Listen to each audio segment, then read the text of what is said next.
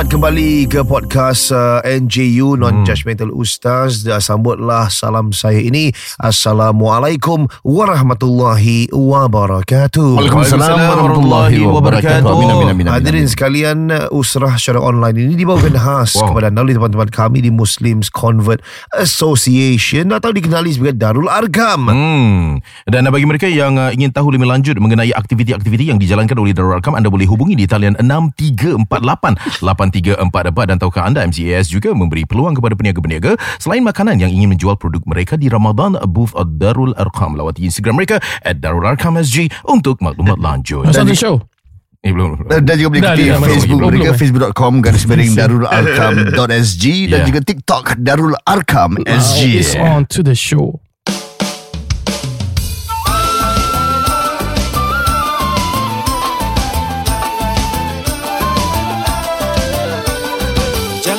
dan malu Marilah mendengar NGU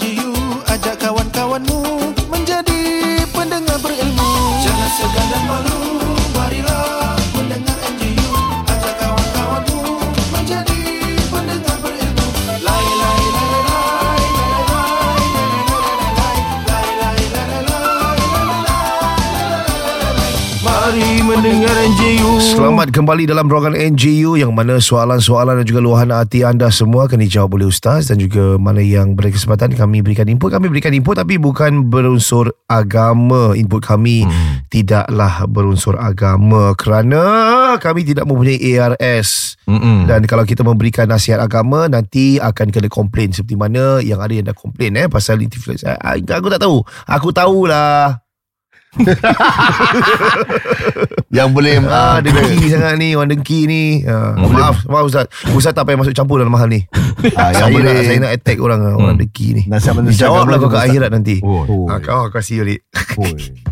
Apa sih? Apa sih? Ah, ya, tak yang boleh um, menjawab manusia agama hanya Ustaz Nuzan sajalah. Iyalah. Yang boleh mempunyai ARS. Ya, betul. Apa salah orang kalau yang tak ada ARS Kalau dia mengatakan perkara yang betul Apa salahnya Ustaz Tapi dengki Yalah. manusia ni PhD ni Perasaan hasad dengki ni PhD Saya belajar dari seorang pakcik tadi Masya Allah Masya Allah Kalau takkan saya nak kasih nasihat kepada menerusi podcast Eh Din Solat lah kau Oh, Kau dah lama tak solat Pergilah solat Mm. Ini nasihat agama ni Mm-mm. Apakah saya perlu ARS Untuk memberikan soalan ni Untuk memberikan nasihat ni Oh. Tentu, tentu tidak Tapi lebih kepada Apa yang saya faham ya Ras Lebih kepada kalau kita Bukan menjawab bab, oh, Menjawab bab hukum Bab hukum ah, Uh. Contohnya solat itu adalah tidak wajib bagi seseorang yang begini gini gini gini dan misled.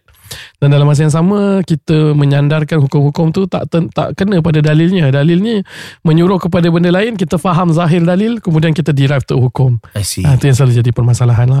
Ataupun boleh membawa kepada ekstremism. Ah, okay, ya, okay. tak nak tu. bahaya. Itu yang kita nak lah. Betul, Itulah itulah yang kita tahu. Kita tahulah Benda ni Ya Allah. Janganlah PhD eh. PhD adalah perasaan hasad dengki Ya, ya, ya. Ni soal nak baca soalan daripada menerusi penulisan ataupun Ah, uh, pen- penulis dulu, panggilan? penulisan dulu, penulisan dulu. Penulisan eh. Uh, soalan daripada Nur Syahira ni satu luahan daripada beliau. Salam ustaz dan trios. Waalaikumsalam. Ini mengenai dugaan tunang. Oh. Ya, dugaan tunang ustaz betul-betul susah. Can I seek advice from ustaz how to stay strong and although we already set a date to nikah, how else we can make sure that he's the right one for us? What do we need to practice? Thank you. Dari Nur Syahira.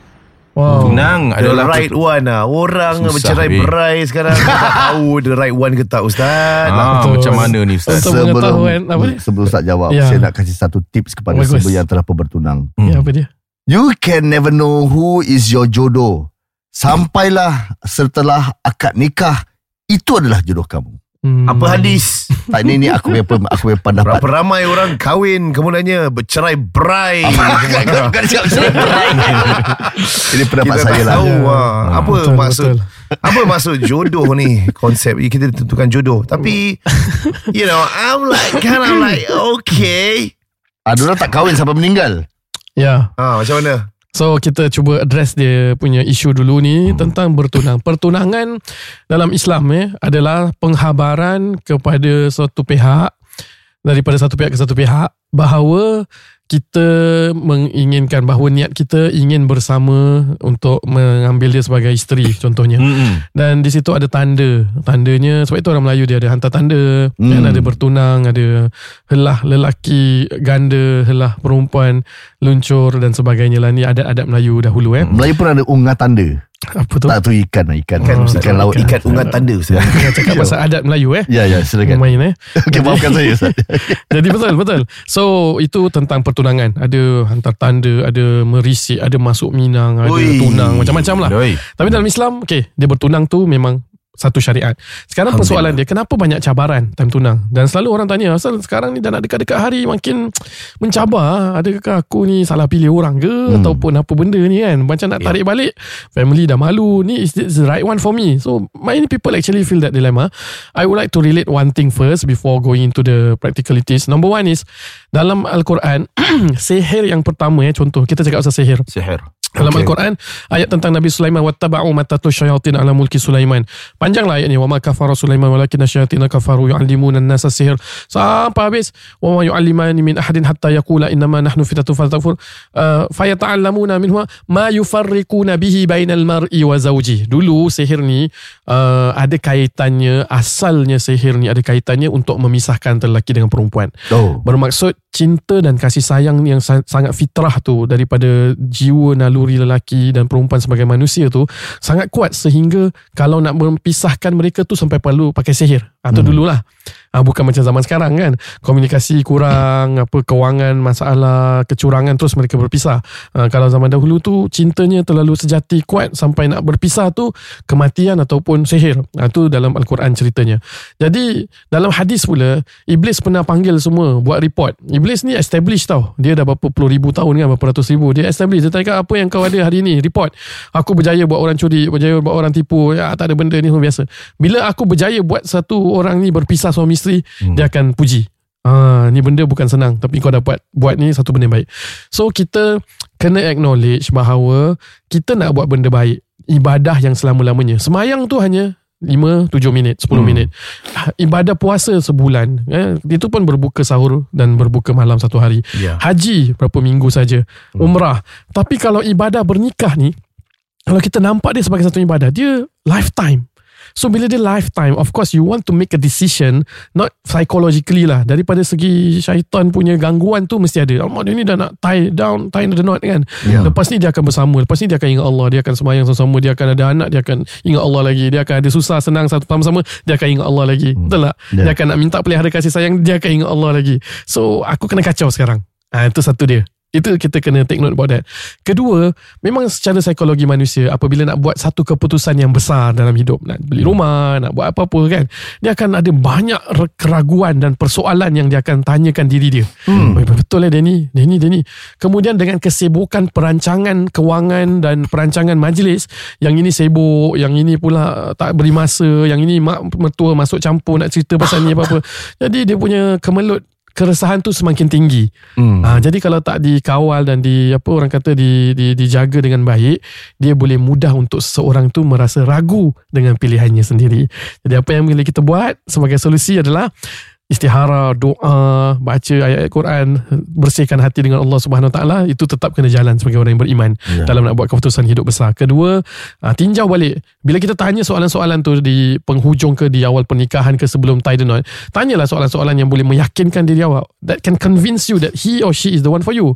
Contohnya, apa you punya pandangan terhadap apa dunia, kalau ter- ter- terhadap kewangan, terhadap uh, mertua kan. Dia bukan cerita-cerita simple-simple pasal majlis, cerita-cerita pasal what do you like the most, what do you dislike. So there are a lot of questions that can ensure that you are convinced with what your decision is. But at the end of the day, when you make that decision, kita tak boleh pasti dan yakin bahawa tidak akan berlaku apa-apa ataupun boleh tak ataupun tidak jadi apa perceraian.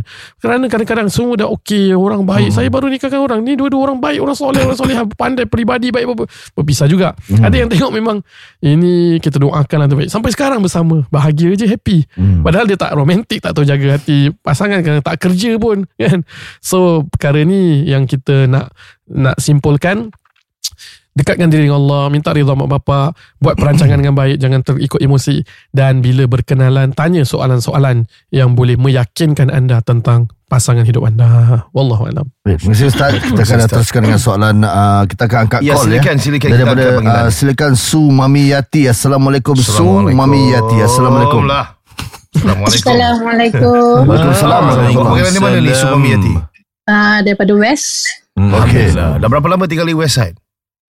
I think over 20, 20 over years. Oh, Ini, lama ini, lah. ini dekat West Coast eh. tadi West Coast Tak adalah, Jurong West lah. Oh, oh Hmm. nak tahu kat mananya tadi Okey. Silakan dengan soalannya Su Okay Ustaz, uh, this one regarding about wudu eh. Hmm. Uh, banyak khilaf yang mengatakan Hmm. bila suami isteri kalau berwuduk, ada yang batal, ada yang tak batal, okay? Hmm. So my problem now is now, uh, suami saya sakit. Mm-mm. Dia tak boleh angkat tangan dia. Ya Allah. So, pun tak boleh sapu muka dia bila berwuduk. Mm-mm. So usually macam mana Ustaz? Saya selalu ambilkan dia wuduk dia. Bagus. So tak pakai glove, tak pakai Mm-mm. sarung tangan lah. So macam mana? Batal tak? Sekiranya saya ada wuduk juga. Baik, sama siapa puan siapa tadi? Su. Puan Su, terima kasih Puan Yeah. Su atas soalan yang uh, saya rasa ramai juga yang kadang-kadang perlu tahu lah. ulang kaji eh. Ya. Uh, dalam Al-Quran Allah Subhanahu Wa Taala menyebutkan ya, aula mastumun nisa. Ataupun kamu sentuh wanita maka itu adalah perkara yang membatalkan wuduk dan itu yang dipegang oleh Al-Imam Syafi'i dan sekalian daripada ulama-ulama dalam mazhab Imam Syafi'i rahimahullah bahawa bila tersentuh tanpa lapik antara lelaki dan perempuan yang bukan mahramnya maka batal wuduk dan majoriti daripada uh, masyarakat ataupun umat di Nusantara ini bermazhab dengan mazhab Imam Syafi'i kecuali kalau pada masa-masa uh, kita terpaksa seperti kita dalam keadaan ber, melakukan umrah. Melaksanakan umrah di situ ada keringanan. Kalau tersentuh boleh berpegang dengan pandangan mazhab Imam Syafi'i sendiri iaitu kalau tak sengaja orang sentuh kita kita tak batal. Orang yang sentuh kita kita tak batal. Tapi kalau dalam mazhab mazhab lain memang jelas kerana mereka bersandar dengan hadis-hadis lain di mana Rasul sallallahu alaihi wasallam waktu Nabi sedang solat kemudian mereka pegang kaki apa Sayyidatina Aisyah uh, pegang kaki Rasulullah sallallahu alaihi wasallam. Dan Nabi teruskan sembahyangnya. Jadi majoriti ulama selain daripada mazhab Syafi'i menyatakan tidak batal atas sentuhan dalam mazhab kita di Nusantara kita ini batal. Jadi apa sekarang okey Ustaz saya dah tahu khilaf-khilaf ni. Jadi sebenarnya khilaf-khilaf kalau ada khilaf antara ulama itu kalau kita berpegang dengan mazhab Syafi'i kita tak boleh ambil lah uh, khilaf-khilaf yang lain. Kita just ikut mazhab Syafi'i batal, settle. Kecuali kalau keadaan terdesak dan terpaksa baru sebenarnya kita bertaklid kepada mazhab lain. Jadi kalau dalam keadaan Puan Sri ni saya saya sangat inilah saya kagum dan saya tabik dan saya puji kerana Puan Sri sebagai isteri membantu suaminya mewudukkan dirinya untuk beliau melaksanakan ibadah-ibadah khususnya solat ya. Jadi kalau boleh seterusnya lakukan dengan memakai sarung tangan. Itu tak jadi masalah ya. Sarung tangan ambil wuduk saja. Itu sebaik-baiknya saya syorkan. Hmm. Tapi kalau kita dapati bahawa oh sarung tangan ni nanti saya tangan kena gatal-gatal, kadang-kadang leceh dan sebagainya. Saya rasa kalau sebaiknya tetap gunakan sarung tangan dan. Macam rubber glove lah contoh Pakai glove aja, pakai glove anu, pakai glove anu setiap kali anu. Itu apa yang saya punya pandangan peribadi. Tapi kalau kita dengar pandangan-pandangan lain, mazhab-mazhab lain, tentu mereka akan katakan tidak batal. Uh, khususnya kalau dalam mazhab Syafi'i pun khusus untuk suami puan. Adapun untuk puan sendiri akan batal juga. Hmm. Kalau suami puan dalam keadaan beliau sakit diwudukkan mungkin tidak batal ataupun boleh ajar anak-anak perempuan atau adik-beradik untuk lakukan anak perempuan tak batal. Tapi kalau dalam keadaan kita boleh ada glove, tak ada masalah ada glove, gunakan glove tersebut. Wallahu a'lam. Hmm. Hmm, jadi nak cakap pasal glove ni Ustaz Kita solat dalam sehari ni lima kali sehari Betul. Takkan lima pasang glove Ustaz Tak adalah glove tu reusable lah. hmm. Glove boleh reusable lah. Ya, ada glove yang memang Pakai kita lagi, boleh pakai lagi. Ah boleh pakai lagi. You know, Tapi you ada- know, tapi you know dah- glove yang macam dah- orang buat kemas dah, rumah. dah jadi mustakmal Ustaz Hmm. Tak ada, tak ada masalah. Tak ada Tak ada masalah. Kering kan je lah glove tu. Oh, tak, tak glove tersebut maknanya dia ambil sponge, dia ambil apa namanya spray, Hmm. spraykan kat tangan, sapukan kat tangan suaminya, sapukan. Lepas tu glove tu taruh ke sebelah balik. Glove getah tu glove getah. Ah, yelah rubber glove lah kuning tu lah. Uh, uh. Melainkan kalau memudaratkan suaminya ataupun kalau glove Sensitif itu ah, eh, sensitif. Ah, lepas tu glove rubber, ah, glove yang yang kecil tu yang apa yang hospital punya semua terlalu banyak nak gunakan. Hmm. Ya, itu mungkin boleh bertaklid kepada mazhab lain tapi suaminya yang ber- berwuduk. Adapun isteri tu apabila dia sudah ada wuduk dan dia mewudukkan suaminya dia batal juga. Oh So isterinya batal. uh, Suami Baik. tidak Terima kasih Ustaz atas penjelasan itu Masya Mhm. dan kita berehat seketika bersama dengan teman-teman Darul Arkam sebentar sahaja nanti berkongsi tentang projek Ansar.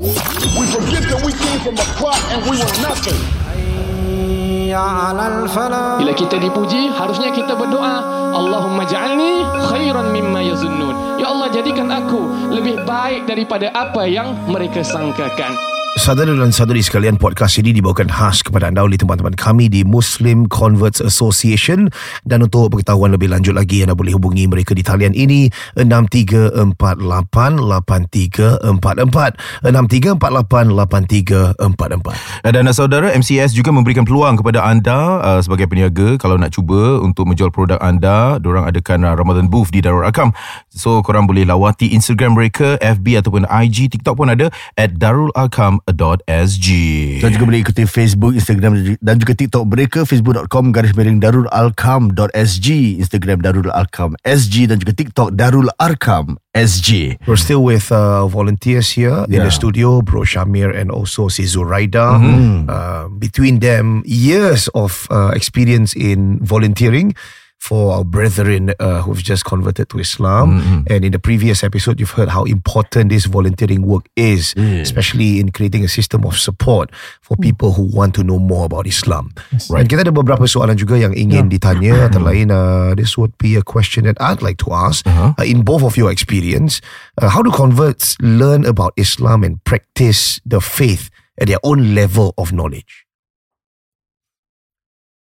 Brother, Syamil? Yeah.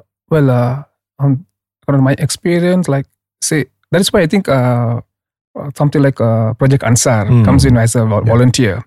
So because they are totally new to the religion, to the faith, faith. Mm. Mm. so they feel that they are left out I see. because when they once they come up, because the stories that I've heard of, like they they don't have their friends, they sometimes their family members, and so on. Mm. So once they come to Darul Welcome and when we uh, become their friends, like Mm. befriending with them, Mm. Yeah. so it's they have that confidence to feel that okay, there's somebody to guide me or there's a friend, so on. So so through this, like uh, we actually we share with we share whatever the knowledge that we uh, have, Mm. and and thereafter, if they have any questions or like they have any doubts, Mm. Mm. so whereby we uh, uh, refer them to the uh, Darul Alkam uh, teachers who Mm. or, or else we guide them okay where to go and then where to get the proper information. Mm. So so I think I think uh, being a volunteer that is the most important uh, thing to uh, hold on to the converts. Otherwise they will like they can go anywhere and then they they might get the wrong uh, knowledge or the wrong information and then Mm. they, they might practice the wrong way, which I see. when uh, I think then uh, if that happens, that we'll also be a part and parcel responsible for their wrong Mm, mm, mm, mm. doings with it. So Sis this is the, what about Yeah. yourself? Like, uh, Mm. were there any wrong uh, misconceptions of sorts when they come to you and their interpretation of the religion? How do you handle that? Okay, they may have different perspective of the religion. That's Mm. why uh, in the um, uh, when we first started befriending years ago, Mhm. um, we had befriending after their lecture learning about Islam. Okay. Yeah, so after the course, we will break them up into groups and then we facilitate the session. Mm-hmm. So um, the, the the the men will be with the men befrienders, the ladies will be with the lady befrienders. Mm-hmm. Yeah. So um, what happened is that over the ten weeks, every week we have a topic to discuss with them to Mm-hmm. find out their perspective, Mm. to find find out the perspective on the topic being discussed. Mm. Yeah. Um, from there, we will get to know um, how they view um, that particular issue. Um, from there, we will know prob- uh, probably um, their struggles. And from there also we can share uh, from Islamic point of view because normally we conclude uh, the the aim is not to preach because the ustaz will be the one teaching them. Right. But for us, it's more of like discussing, um, making them, um, you know, uh, Feel supported maybe. yeah, um, yeah, uh, because uh, sometimes uh, the topic may be relevant for them. For example, for example, you know, we discuss about um, what do you think if, let's say, two person who gets married, one is a Muslim, one is a not uh, not a Muslim, and then uh, if two of different relig- religion, how how do you feel about that? You know, um, so uh, we want to know whether. Um, how do they feel about them having to convert or revert to Islam before they can get married? Because there are quite a number of um uh, them who come uh, who wants to revert. Uh, I, I use the word revert more than convert uh, because of marriage. Yeah, but there are those who um who wants to learn the religion by themselves. Like like I said just now, they want to find the truth. So for such, right, they read a lot. Um, especially I'm very touched right now. uh, I think they are much better level than us. They actually read the Quran. Yeah. They read the translations and and they find that Quran is beautiful. Islam is beautiful, you know.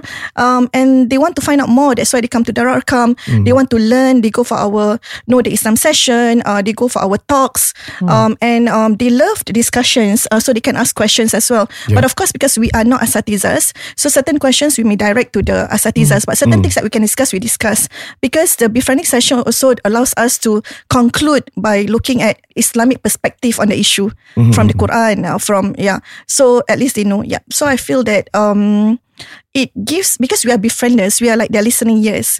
We kind of prov- uh, we are there, and it's not just limited to just the session. Like we do meet up after the session, you know, um, over tea. Uh, So they feel that they have a friend. Like I think it's a journey for them. Like I think Project Ansar is like we welcome them in the hijrah, in the hijrah. So uh, we make it. Uh, we try to make it easy for them, uh, despite despite the struggles or despite despite the challenges that they may face, lah. Fantastic. I think they Yeah. they are validating the emotion, emotional support. Eh. Yeah. Uh, What about? I think we are coming to Hari Raya Ramadan in a month. I Also, also want to touch to know. on that, yeah. yeah. Because uh, as you mentioned, conversion or rather, as you would like to mention, the reversion, Revert. it can be a very lonely journey. Yes. And especially moving to Ramadan, we're on the verge of entering to Ramadan and as well as Shawwal.